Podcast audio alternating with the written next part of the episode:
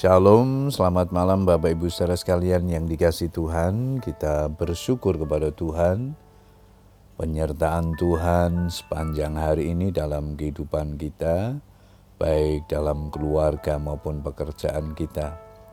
Malam hari ini kita berkesempatan berdoa dengan keluarga, namun sebelumnya saya akan membagikan firman Tuhan yang malam hari ini diberikan tema tetap kuat dalam segala situasi.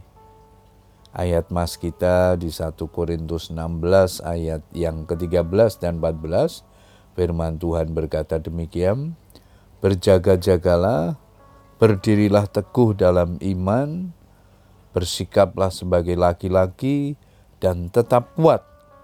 Lakukanlah segala pekerjaanmu dalam kasih. Pada waktu itu jemaat di kota Korintus sedang menghadapi pergumulan iman yang tidak mudah.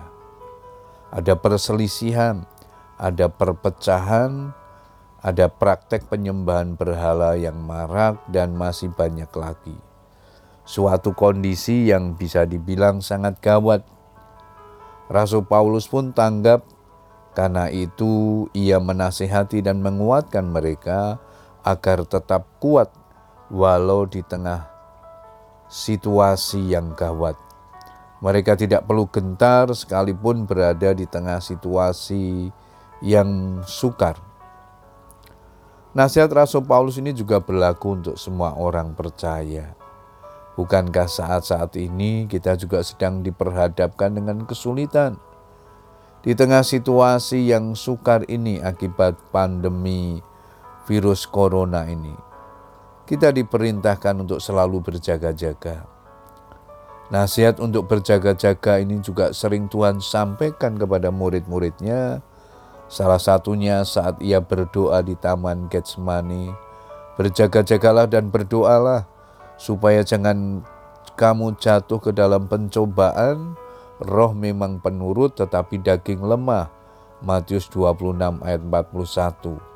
Kata berjaga-jaga menggambarkan suatu sikap siaga guna mengantisipasi bahaya yang datang mengancam. Juga berbicara tentang suatu kondisi yang sedang tidak tertidur. Orang yang tertidur pasti tidak tahu kalau ada pencuri.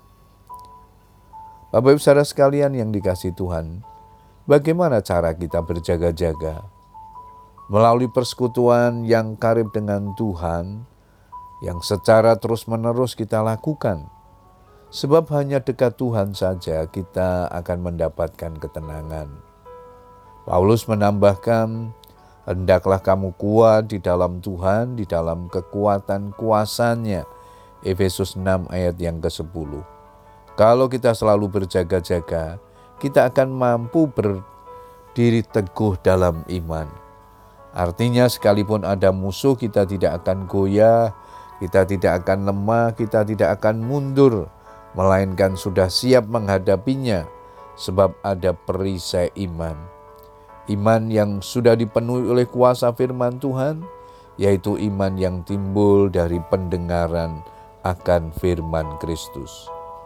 Iman yang memberikan keberanian kepada kita untuk menghadapi masalah besar, tekanan, penderitaan, yang sepertinya mungkin tidak bisa kita kalahkan. Berjaga-jagalah senantiasa, sebab kita menghadapi peperangan rohani setiap hari.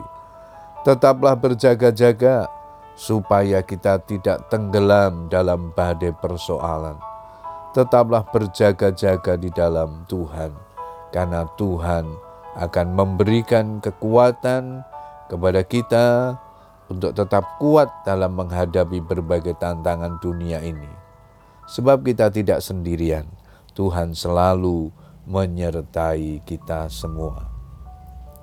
Bapak Ibu saudara sekalian yang dikasih Tuhan, malam hari ini firman Tuhan mengingatkan kepada kita untuk terus berjaga-jaga, tetaplah kuat di dalam Tuhan, di tengah-tengah situasi apa pun yang hari-hari ini kita hadapi kita percaya bersama dengan Tuhan, kita akan mampu menghadapi segala sesuatunya. Selamat berdoa dengan keluarga kita. Tuhan Yesus memberkati. Amin.